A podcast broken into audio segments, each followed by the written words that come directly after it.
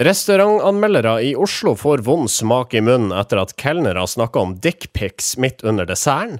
Kronikører bruker kjærlige ord for å kjefte på folk de ikke er enig med. Ikea har vært på månen, og skattemeldinga har kommet. Vi er norske informasjonsrådgivere, velkommen.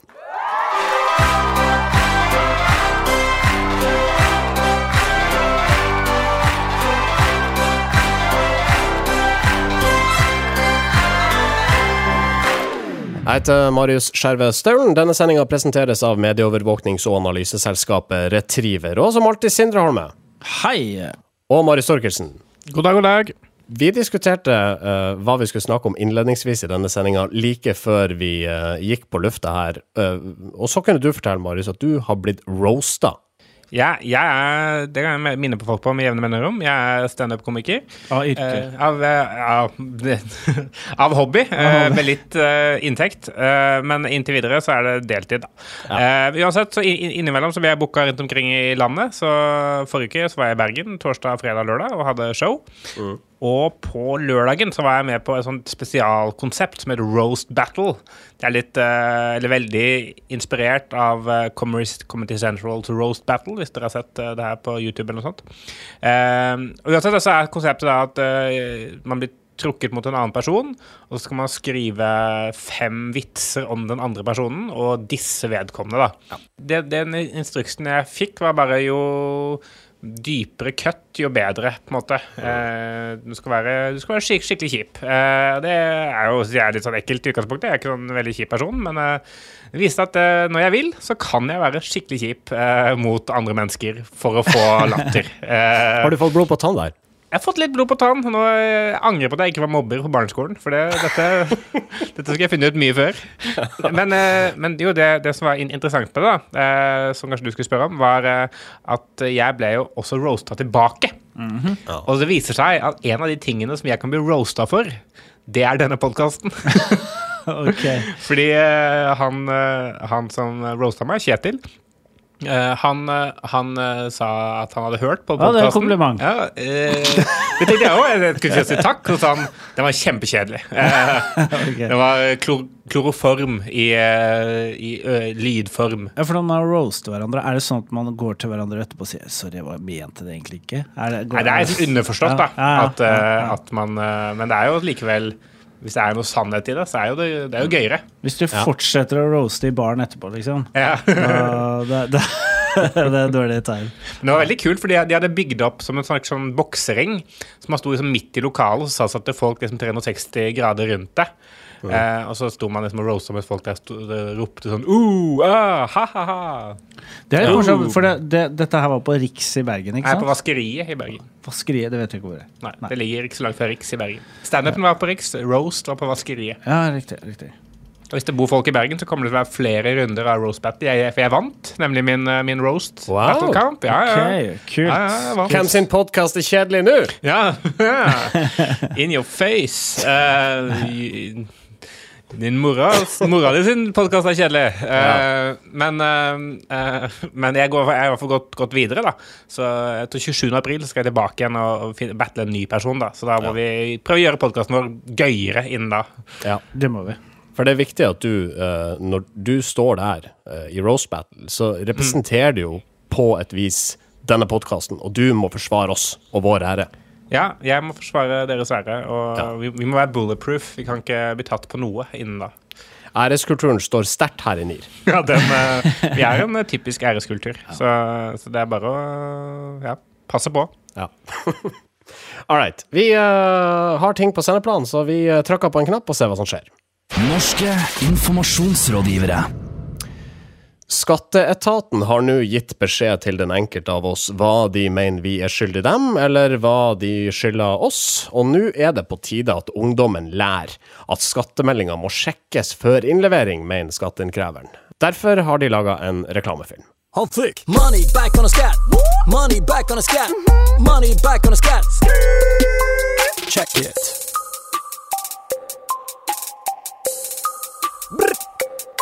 More money back on the scat. More money back. More money back on the scat. More money back. Ja, uh, det, det, altså Lyden er henta fra en reklamefilm, og, og, reklamefilmen er en animasjon. Jeg det, ser ut som eh, foreldre og en kid som sitter i uh, bilen, og det er Burnett som uh, rapper her om Mo Money back on the scat. Ja, og den er ganske bra laga òg, hvis vi skal komme en sånn eh, lærebok eh, eh, i, i liksom hvordan lage video for Facebook, så følger den, eh, gjør den akkurat det man skal. Den eh, serverer først et vers, så en tekstplakat, og så refrenget. Så egentlig litt, litt i motsetning til hva Rune Paulseth og, og de her Facebook-ekspertene har sagt, men uh, de ser, her får du det morsomste til slutt. Ja, den, eh, den, den fanger eh, lytteren og seeren uh, kjapt, kjapt, og, og slipper ikke taket før vi har fått med oss at Du vil bare ha mer og mer. Ja. Altså Når du ser dette her, dette vil jeg bare se uendelige mengder av. Og det går også an å gå inn på Soundcloud og høre en enda lengre versjon av en låta. Det ser du på lyttertallet at det er en del som gjør. Eh, og jeg syns det er litt uh, artig at vi lever i et land der myndighetene lager dyre kampanjer for at folk skal loppe myndighetene for penger. Eller Ja, ja. passe på å, å ikke få for mye penger igjen. Ja, for det, det, det, jo, Eller for lite penger igjen. det er jo hele poenget her. Det er jo reklamebyrået Try som har lagd denne filmen for eh, Skatteetaten. Og eh, Camilla Bjør, Bjørnhaug i, i Try hun sier det at eh, innsikten viser at det er mange da som sjekker skattemeldingen når de får baksmell, altså skylder penger. Men når de får tilbake penger eh, på on the scat, så sjekker de altså ikke. Eh, og det kan jo hende at de da kunne fått more money eh, back on the scat. Eh, derfor skal de måtte få folk til å bli bevisst på også å sjekke, uansett. Vær litt mer gangsta eh, overfor skattemyndighetene, Ja. så kan du få enda mer penger derfra. Men, men jeg, jeg fikk jo denne filmen her beskrevet eh, før jeg hørte den, eh, eller før jeg så den. Og bare sånn, sånn konsept. Vi lager en rapplåt for å få skattemyndigheten til å bli litt kule. Det høres ut som et forferdelig dårlig utgangspunkt. ja, det det. Og, og så, så jeg tenkte sånn, nei, dette høres jo helt forferdelig ut. Men så så jeg filmen, og så var det egentlig Det er et eller annet med det som gjør at liksom, det blir ikke pinlig, da. Fordi det tar seg selv sånn såpass useriøst. Uten at det blir sånn eh, Hei, vi har laget, laget det helt selv på firmafest-følelse over det. Uh, så, så på en eller annen måte så, så funker liksom ja, jeg, jeg er en person som ofte syns sånn kødderapp er utrolig forferdelig pinlig, men akkurat det ble ikke pinlig. Da, synes jeg. Men har de ja, og jeg tenker på, Hvis eh, skatteetaten sitt mål er å bygge omdømme og bli bedre likt i, av befolkningen, så er jo dette det beste budskapet de kan komme med. Altså, pass på at du får nok penger eh, fra Ja. oss. Det kan hende vi skylder dem mer enn det du tror. En, en annen eh, sang som jeg nesten jeg tror kunne fungert som en sånn mashup med More Money Back on, Back on the Scat, er jo Vitaminbjørner-sangen. Eh, hørt, altså, har også har en sånn uh, slags sånn chopped and screwed trap-versjon av Vitaminbjørner-sangen. Ok. Det er sånn Vitaminbjørner, vita, vitaminbjørner, vitaminbjørner, vita, vitaminbjørner. Jeg skulle bare se om jeg fant det. Ja, ja, se om jeg finner den. Jeg tror, jeg tror nesten det er samme rytme.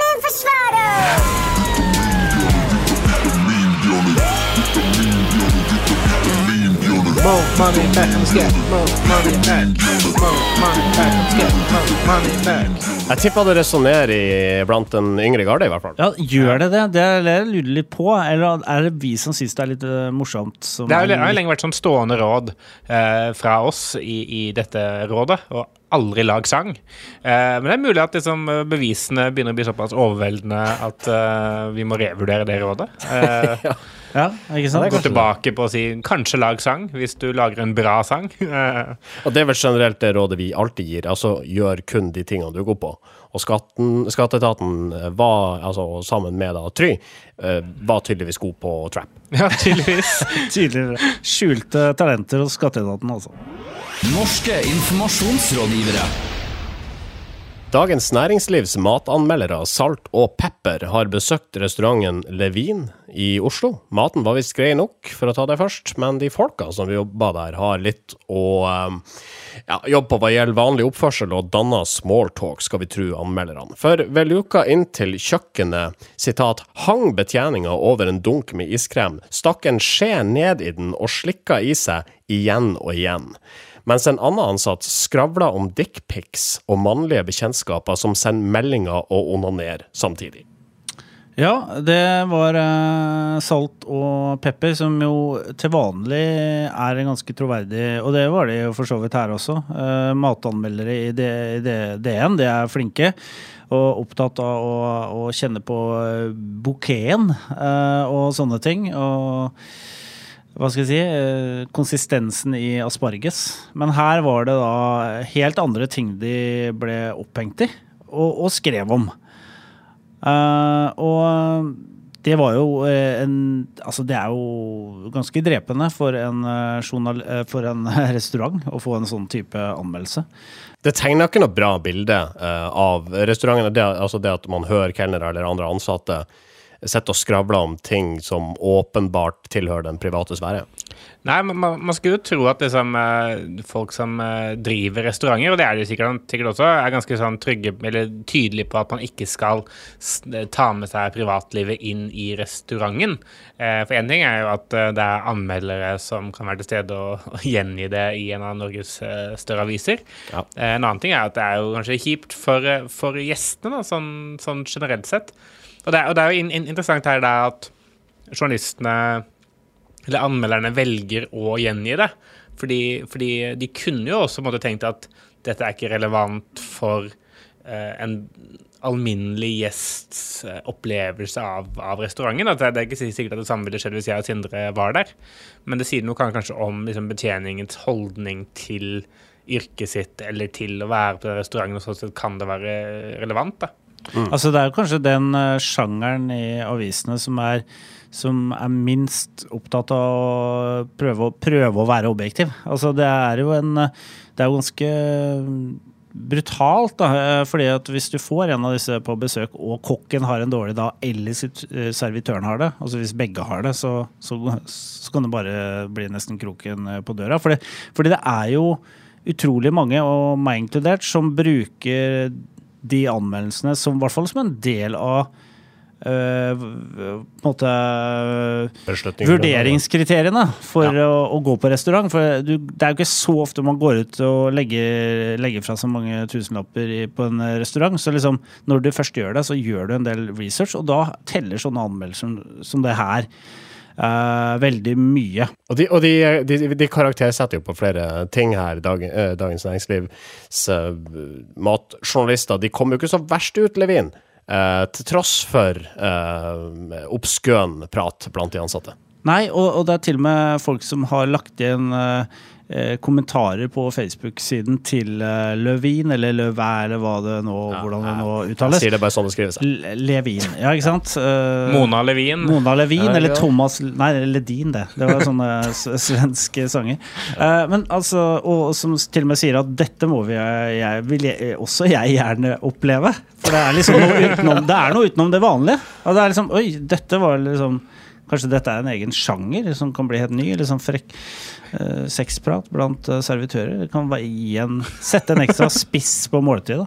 Ja, for det, det er noen ganger du går, går på restaurant, kanskje hvis du går med noen sånn forretningsforbindelser eller med noen kolleger du ikke kjenner så godt, og liksom ikke har så mye å prate om, da, så er det kanskje greit at det skjer noe i restauranten som er liksom, verdt å prate om, eller sånn, så utspiller seg en sånn der episode av Skam ved siden av, på en måte. da. Ja, ja, ja. Det, er jo litt sånn, eh, det kan jo være litt sånn ekstra spennende. Hvem er det som har sagt liksom at at ikke servitører også får lov å være mennesker eh, med Ja. sine Det som, eh, det som jo er en del av bildet her, det er at, som jo er veldig viktig, siden dette er en eh, vi er en podkast som snakker om kommunikasjon, så, så er det jo viktig også hvordan, journalist, eh, hvordan eh, restaurantene svarer på den type kritikk. Jeg husker Smalhans, den eh, en ganske bra restaurant oppe på Sankthanshaugen.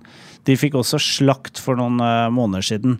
Og da gikk de ut på sin egen Facebook-side og bare sa at dette er ikke bra nok, dette kan ikke vi stå, stå inne for å være, så, være en så dårlig restaurant, så vi vil jo gjøre alt vi kan for å rette opp dette dårlige inntrykket som DN har, eh, har eh, på en måte skapt av oss, da, og med, med rette. Ja, og Levin har også gjort det i, i, i dette tilfellet. Det er Anders Onarheim som svarer på DNs eh, anmeldelse. Ja, Han sier at nå har vi ryddet med det vi har av brutal selverkjennelse, flittige hender, diskusjoner i de sene nattetimer, samhold og teamets bankende hjerter for hva gode vinopplevelser skal være. Eh, og så skriver han om noen er i tvil, det er lite som er så motiverende som en tosiders harang i kongerikets viktigste næringslivsavis. Vi kan dumme oss ut én gang, vi gjør det ikke på nytt. Det er ganske klar beskjed. Det er ganske klar beskjed, og så ganske sånn tydelig intern eh, kommunikasjon til Ja. egne ansatte. At dette her, det, gjør, det, det skjer ikke igjen, for å si det sånn. Nei, for det, for det er ikke som om liksom jeg, jeg aldri kan huske å ha opplevd noe lignende engang. Altså, sånn der, jeg har ikke vært på sykt mye restaurant, men jeg har vært på noen restauranter i mitt liv. Og, og kan ikke huske som jeg har overhørt en personlig samtale mellom servitører. Eh, og hvis man i så fall hadde gjort det at det da måtte, det er tema, det må, jo, det må jo på en eller annen måte være eh, enten noen helt ferske folk eh, som jobber der, eller bare veldig, veldig uflaks da, at disse DN-folka plukka opp. Kanskje de DN-folka er har syk god hørsel. Kanskje det er super, supermennesker. Det, Det, det kan hende. Altså, dette er jo en, dette er jo en flatlegging fra Anders uh, Onarheim, men det er også et eh, call to action for, altså for restaurantens del. Slik leser jeg det. Hva, hva syns dere om denne flatlegginga? Den er eh, Jeg syns den er ganske bra. Dessverre så vil nok eh, eh, de som googler Løvæ eller Levin i etterkant, vil nok eh, få opp denne anmeldelsen i større grad enn det svaret. Ja. Så den eh, vil nok eh, hefte ved dem ganske lenge framover. men det er god mat, i hvert fall. da, Ser det ut som. Ja, det er det. Bortsett fra isen, da. Ja, isen, eh, hold- deg unna isen. Bestill eh, noe, noe pai istedenfor. Norske informasjonsrådgivere. Vi skal til reklamebransjen. VG og Dagbladet er for dårlig på reklame kamuflert som nyhetsartikler, såkalt innholdsmarkedsføring. Det mener folk tilhørende den norske avdelinga av det franske selskapet Publicis, som også driver med innholdsmarkedsføring. Avishusene selger reklamepakker som låser kundene til avishusenes egen plattform, sier Peder Mittet, leder for Publicis i Norge.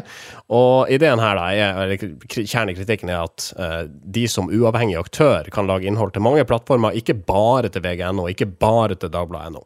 Kristian Hanneborg hos VG er kritisk til angrepet fra kolonistene. Det bekymrer oss at en seriøs aktør svartmaler medienes content-satsinger, sier han til kampanje. Ja, han, eh, han mener jo det at eh, disse mediebyråene, da, som måtte, i utgangspunktet skal leve av å gi uhildede råd eh, til sine kunder om hvilke medieplasseringer og annonsekjøp som er best, blir eh, mindre uhildet av å ha et eget tjenesteregister som de skal selge, spesielt når det da konkurrerer med medienes egne tjenester. Da. Fordi De siste årene så har jo de fleste større medier, som VG, Aftenposten, Dagens Næringsliv osv., bygget seg opp eh, såkalte content-miljøer, eller brand studios, hvor da eh, tidligere journalister og andre ansatte eh, lager saker og nettsider eh, som plasseres inn på forsiden til f.eks. vg.no. Eh, og som da ligner litt på et re- eh, redaksjonelt budskap, men som ikke nødvendigvis da er eh, Eller som ikke har vært gjennom eh, redaksjonen, da, som bare er Ganske Reklame. sikkert ikke har vært igjennom noen form for redaksjonell kontroll. Nei, nei, nei, det er poenget. Det skal være atskilt, men det skal likevel være da en fordel at det er produsert av noen som jobber i VG, fordi da de kjenner til VGs måte å gjøre ting på, og hva slags type innhold som passer inn i VGs kontekst. Og det har måttet vært salgspitchen eh, derfra lenge, da. Samtidig så er det jo vært en del kritikk til f.eks. VG, som hadde en eh, lang serie med sånne annons- eh, eller innholdsmarkedsføringssaker om eh, familieliv, het det, som Rema 1000 eh, sto bak. Som var egentlig saker som var ganske langt unna det Rema 1000 driver med, altså dagligvarer. Og jeg så også nå at VG het sist der hadde en sak om eh, hvordan man strikker en genser. Og det var liksom da Nille som var eh, avsender av det innholdet. Og, og eh, uten å gå for mye inn i dybden av det, så, så, så jeg det handler jo litt om eh, Går man til VG for å få strikkeoppskrifter, liksom? Og Publicis ville da sagt at uh, Nille burde he heller ha kommet til dem, for at de kunne ha tatt den uh, strikketingen og putta den andre steder enn på VG, der de kanskje ikke finner de største strikkeentusiastene. Ja, nettopp. Og da står de friere til å distribuere eh, mer målretta, uh, mener de. ikke sant? For de mener at mediehusene, litt problemet med mediehusene er at det, det er liksom uh, Hvis du skal gjøre en innholdssatsing, så må du velge. Det er jo siloer her, eller som grensemurer, som publisist Publicist sier.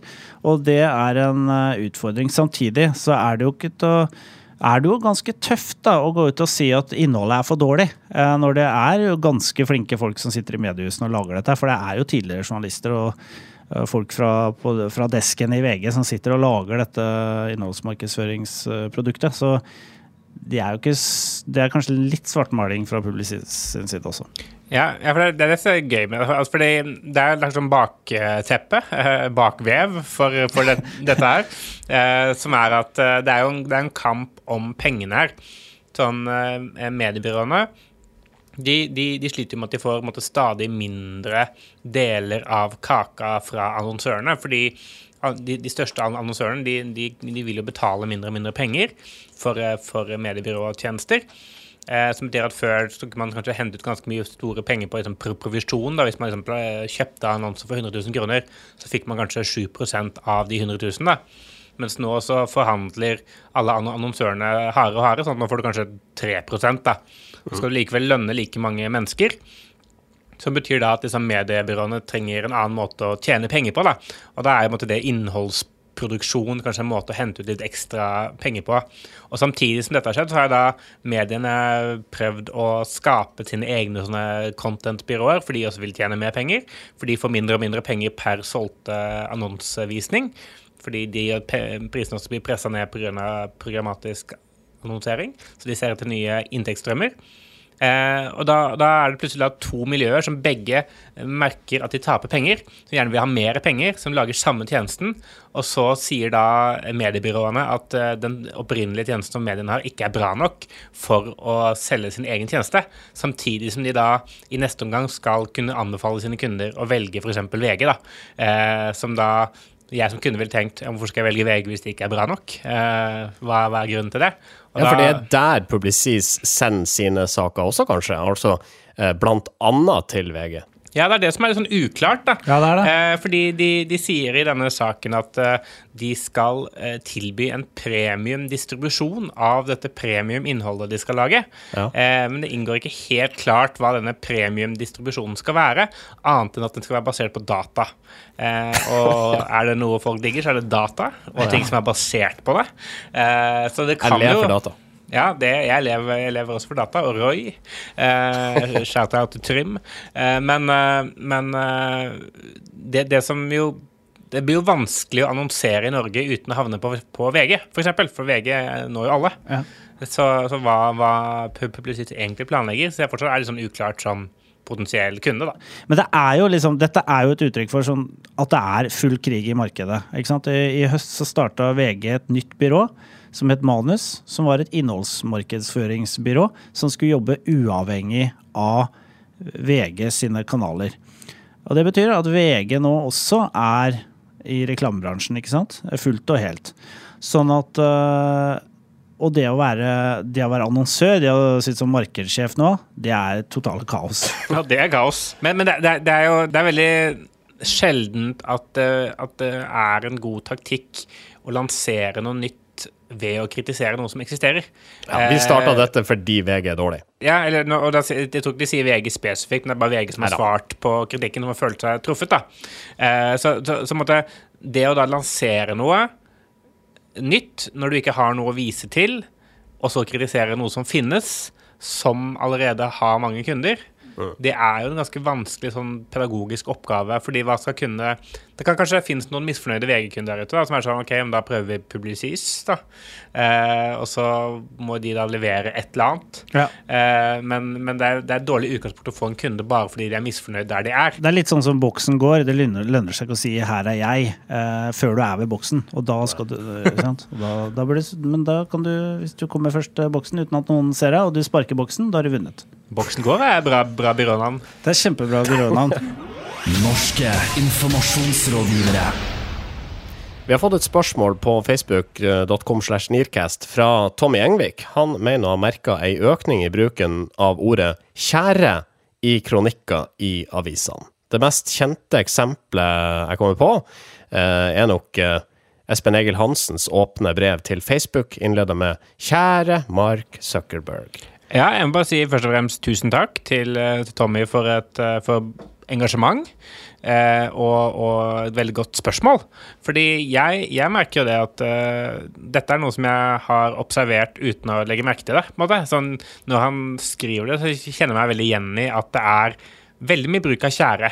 For Det er ringer slags- bjeller, rett og slett. ja, det ringer, det ringer, det ringer bjeller eh, en masse. Eh, og og de, de bjellene, de, de har ringt De ringer for deg. De ringer for meg. Men, men eh, jeg, jeg- tror jo at eh, det, det er sånne ting som måtte eh, kommer, fordi det blir nesten litt sånn sjangertrekk. Eh, kan, kanskje at det, det henger litt sammen med, med da dette eksempelet fra Aftenposten som, som du nevnte, hvor eh, det ble en såpass en måte, stor sak at det å skrive åpne brev ble en slags sånn eh, ble en slags sånn eh, ikke måte å skrive kronikk på, da. Det var ganske mange som skrev brev både til Espen Egil Hansen og til Aftenposten og Skipstedt og alle, mulige sånn relatert til den saken eh, i etterkant. Med en slags sånn henvisning til brev fordi det var såpass det var litt sånn rart at, at det ble gjort. Eh, Ja, det var jo veldig rart at det ble gjort. Ja, og at det ble gjort sånn måte, i, i den formen det ble gjort. Eh, så sånn sett så, så satt det en slags sånn uh, norm for hvordan man skal da skrive direkte kritikk. Ja. Et, Ja, så det ble en ting i tiden post uh, denne kronikken fra Espen Enger Hansen. ja, det tror jeg nok. Vi har noen tall fra Retriever her. Jeg, jeg kan ta mine først, for jeg, jeg søkte Jeg mener å ha sett en del sånne 'Kjære Erna, hvorfor bryr du deg ikke om oss?' Eh, kronikker eh, da til Erna Solberg. Så jeg, eh, jeg søkte på 'Kjære Erna' med klammer rundt, for, for å få bare Altså, 'Kjære Erna' er i 2019 nevnt i 109 avisartikler, ifølge Retriever. Og uh, 'Kjære Erna' er nevnt 146 ganger i 2018, og 147 året før uh, der igjen. Det betyr at, du- ja, det betyr at vi ligger an til en eh, nest, Ja, i hvert fall en eh, fordobling. Ja. Eh, Jeg er ikke så god i matte, men det er langt over tidligere år. Og Ja, ja. Jeg, gjorde et søk, jeg gjorde et søk på kronikk og kjære for å se om det var på kronikkplass veldig mange sånne åpne brev, da. Og, For du kan være så spesifikk òg. Altså, ja, det kunne Bare jeg- kronikker? Ja, det gikk an i hvert fall der kronikkordet er nevnt. Altså, jeg vet ikke om det er kronikker, men det er i hvert fall Dette er ikke en kronikk. det er veldig sjelden at ordet kronikk brukes i andre sammenhenger i en, enn i en kronikk, så jeg antar at det var det. Det Da er det ok. 108 artikler som, eh, hvor eh, da man bruker eh, tiltalelsesformen kjære. Eh, Så langt i år. så langt i år, og det er jo eh, da veldig mye, fordi vi er jo nå eh, gått fire måneder inn i året. Tre, tre Eh, så- måneder. vi kunne jo, ja, så, så det er da mer enn fjoråret, da, som var under 300. Hvorfor brukes dette grepet? Er det effektivt? Jeg, jeg, jeg, føler, eh, jeg føler at det er litt sånn der, Det er en slags sånn eh, hersketeknikk eh, hvor, hvor man eh, skriver 'kjære' for å få den andre til å enten føle seg litt liten, eller for å skape et slags sånn inntrykk av at man har en nærmere relasjon til vedkommende enn det som er eh, sant. Da. For eksempel da når eh, Espen Egil brukte 'kjære' til Mark Zuckerberg, så antyder det nesten det at de er på samme nivå. Eh, på en eller annen måte. Eh, hvor han da, redaktør eh, for en eh, ganske stor avis i Norge, skal snakke til eh, verdens eh, kall mektigste mann, på mange, noen, noen måter, kan man jo si. Eh, og gjennom å bruke kjære istedenfor bare, å si 'halla, Mark', eller 'du, Mark'. Det er kanskje enda mindre Jeg vet ikke hva man skulle sagt. Til hvem det måtte angå? til, til CEO Facebook. Ja, Eh, ja, men så, men, men så antyder man at man- at man er på samme nivå. og Dermed kommer kritikken mer sånn heart to heart, istedenfor at det kommer liksom ovenfra og ned, eller nedenfra opp, eller bortenfra til Ja, siden. ja, man tillater seg å bruke ikke sant? Det er jo en slags intimisering av, av språket, eller av debatten, da, som gjør at man man eh, implisitt er mer følelsesmessig eh, og har noe mer på hjertet enn det man kanskje vanligvis eh, har, og det er mer eh, alvor i det, og det er mer personlig. Men jeg tenker også at det er en måte å vise at det er ganske stor forskjell i status på. Ja, fordi ofte så er det sånn uh, Randi 52 har sendt et åpent brev til eh, helseminister Bent Høie. Uh, hun er kroniker og, og røyker 50 sigg hver dag. eh, og får ikke den hjelpen hun, hun vil ha. Som et, eh, dette er helt hypotetisk eksempel, og, og, og sånn. Men jeg tenker at det er noe med å vise at jeg er bare en lille eh, mann. Du er, du er den som sitter med makta. Jeg, eh, jeg ber på mine knær om at du endelig kan høre på meg. For jeg vet at du vil ikke gjøre det hvis jeg sender deg et vanlig brev. Da vil det bare havne rett i, i makuleringsmaskinen i, i etaten.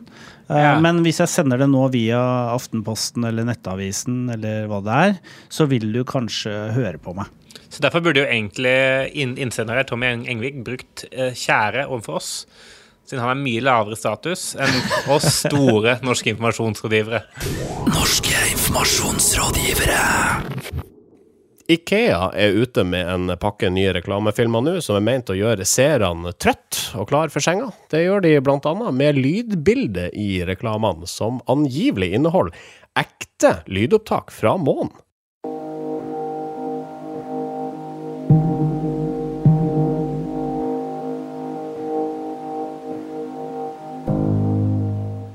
Ja, merka dere månen her? Ja, jeg, jeg, jeg kjente månen. Jeg kjente eh, månens nærvær. Eh, veldig tett på her. Eh, det er nesten som om eh, vi skulle vært naboplaneter, føler jeg. Nå er det seint, nå er det tidlig. Se månemannen, mukke djupt og stilig. Den er jo også eh, inspirert av månen, ja. Ja. Eh, nei, eh, her har da SMFB laget et fantastisk, en fantastisk argumentasjon for en reklamefilm som jeg tror ingen av de som ser filmen, skjønner noe som helst av. Uh, her har de da De, de bruker f.eks. hvit støy for å skape effekten av auditory masking, som hindrer forstyrrelser fra annen lyd. Og tempoet i musikken speiler hvilepulsen. Uh, som gjør at lytteren slapper av. Og Det er kanskje en av de det fascinerende. Her har de altså laga en reklame for å få folk til å sovne. Ja. Og det er jo veldig motsatt av det annonsører pleier å gjøre. Men de skal jo selge sovemøblement da, fra Ikea. Ja, men uh, rekker de å selge det før uh, mottakeren har sovna? Det er spørsmålet. Men jeg må jo si så, sånn, sånn idémessig så er det veldig kult tenkt. Og hvis man liksom klarer å skape en sånn, sånn avslappende assosiasjon til eh, Ikea sovemøblement gjennom å manipulere mennesker ved bruk av, eh, av lyd, eh, så er jo det utrolig smart. Eh, spørsmålet er jo om, om eh, om den det, avslappende følelsen blir borte idet man går inn på Ikea-varehuset og skal kjøpe dette jævla møblementet. Ja. For der er det ikke avslappende å være. Nei, det er det ikke avslappende. De burde, de burde egentlig heller jobbe, jobba med det og lagd en avslappende måte Yes. å kjøpe senga på. Sånn at folk kan ligge lenger i de og prøveligge disse sengene de har der. Ja, fordi Ja. det- Dette var det sånn Ja. Sist gang jeg skulle på Ikea og kjøpe ting, så var det en lørdag. Jeg måtte stå opp da halv ni bare for å være der før rushet begynte. Eh, så jeg fikk sove mindre fordi jeg skulle på Ikea og handle. Eh, det vil jeg gjerne at noen gjør noe med. For jeg liker ikke å stå opp så tidlig heller. Jeg tror vi setter streken eh, der. NIR spilles inn i studioene til Moderne Media, som du finner på modernemedia.no. Oss finner du på facebook.com slash Nircast. Nå er det påskeferie. Dere drar av gårde om eh, få dager, men vi får ut en påskekrim. eh. Vi må ta livet av noen i år òg, Ja. som vi gjør eh, hvert år. Det er du som er forfatter? Det er som er eh, Ja. det Og, og for en forfatter! si. Det, er- det, det er bare å glede seg til den, eh, den grimmen der. Er det like forvirrende som det alltid har vært? Nei, det, det, er en, eh, det er en løsning i år. Ja. Det er verken et eh, Nei, altså det er Er det en logisk løsning? Ja, det er logisk. Altså, man må lete litt, man må bruke hodet litt for å finne løsningen. men Den finnes der ute, som David Lynch eh, pleier å si. Mm. Vi eh, hiver den ut neste fredag, altså langfredag. Og da takker vi for nå. Høres igjen eh, over påske. Fram til da. Ha det bra! Norske informasjonsrådgivere. Moderne media.